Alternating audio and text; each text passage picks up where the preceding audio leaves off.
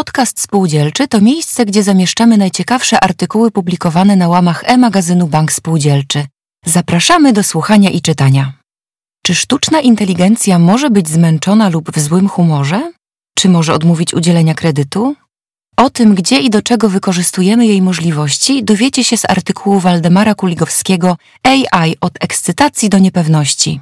Materiał został opublikowany w trzecim numerze magazynu Bank Spółdzielczy z września 2023 roku i udostępniony na stronie sgb.pl. Czyta Katarzyna Miller. AI od ekscytacji do niepewności. Sztuczna inteligencja jest na ustach wszystkich, ale nie wszystkie opowieści o niej są pozytywne.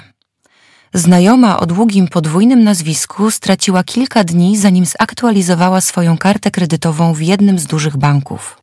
Kłopot polegał na tym, że nie mogła zmieścić swojego nazwiska w kratkach papierowego formularza. Gdy zaczynała rozmowę z bankowym chatbotem, podając jego pełne brzmienie, ten nie potrafił jej zidentyfikować i kończył rozmowę. Zdalna ciuciu babka trwała do momentu, gdy klientka przedstawiła się niepoprawnie, za to w formie zapisanej w formularzu.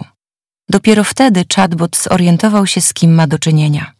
Gdyby sprawę załatwiał pracownik, zaoszczędzony zostałby czas i mnóstwo nerwów. Skądinąd wiadomo także o wielu problemach, jakie mają chatboty w kontaktach z osobami mówiącymi niewyraźnie, jąkającymi się czy komunikującymi się niepoprawną polszczyzną, co może dotyczyć milionów uchodźców. Wystarczy nawet słaba znajomość bankowego kodu językowego, a nie jest to kod codzienny w większości społeczeństwa, albo zwykłe zdenerwowanie, by rozmowa z chatbotem stała się niezawinioną męką. Okazuje się, że human touch, czyli czynnik ludzki, jest kluczowy.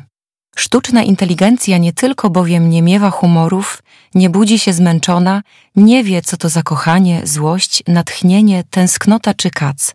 Jest ponadto schematyczna i znacznie mniej elastyczna od człowieka. Przykłady? Algorytmy zatwierdzania kredytów hipotecznych w Stanach Zjednoczonych są od 40 do 80% bardziej skłonne do odmowy udzielania pożyczki klientom o innym kolorze skóry niż biały.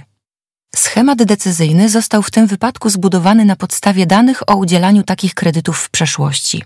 Opiera się zatem w dużym stopniu na uprzedzeniach i krzywdzących stereotypach, a czasem po prostu na fikcji. Klient kolumbijskiej linii lotniczej Avianca został na pokładzie samolotu zraniony przez wózek z przekąskami. Ubiegając się o odszkodowanie, zatrudnił prawnika z 30-letnim stażem.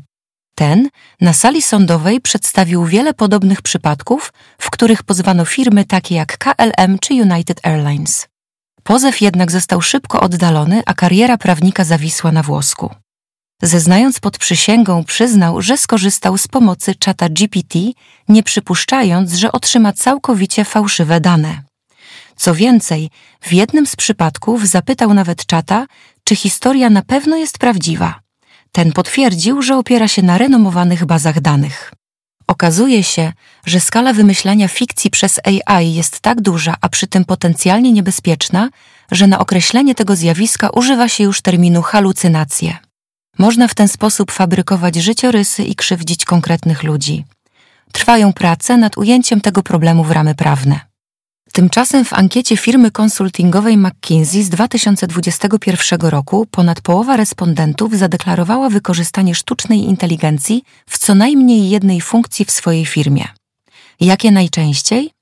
Chatbot ma być pomocny przy robieniu przelewów, składaniu wniosków o pożyczkę w monitorowaniu zdolności kredytowej oraz zapytaniach dotyczących kont indywidualnych. Te dwa ostatnie zastosowania mają jednak, jak wiemy z przykładów przywołanych wcześniej, poważne ograniczenia. Inne badanie przeprowadzone przez McKinsey wykazało, że w 2022 roku połowa firm na całym świecie próbowała w pewien sposób wykorzystać dla swoich celów sztuczną inteligencję. Nie ulega wątpliwości, że AI, w tym bijący rekordy popularności ChatGPT, będzie się udoskonalać zarówno pod względem zasobów danych, jak i liczby wykorzystywanych neuronów. Rośnie grupa zwolenników algorytmicznej psychoterapii i zapewne za moment będzie można zdobyć dyplom uniwersytecki z algorytmicznego zarządzania. Miliony z nas codziennie flirtują z AI, przeglądając skrzynkę mailową, uruchamiając nawigację czy korzystając z usług smartfonowego asystenta. To ona sugeruje nam kupno produktów w internetowych sklepach i podsuwa tytuły w kanałach streamingowych takich jak Netflix. Analitycy przewidują ponadto, że wykorzystanie AI będzie niczym dolanie paliwa do globalnej gospodarki. Do rzadkich nie należą opinie przekonujące, że mamy do czynienia z przełomem na miarę wynalezienia ognia albo elektryczności. Ekscytacji towarzyszy jednak niepewność, która dotyczy negatywnych konsekwencji upowszechniania się sztucznej inteligencji.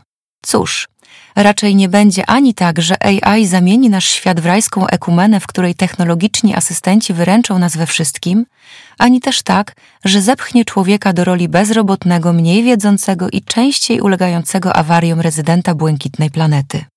Zamiast myślenia w kategoriach konkurencji, warto potraktować AI jako współpracownika i pomocnika.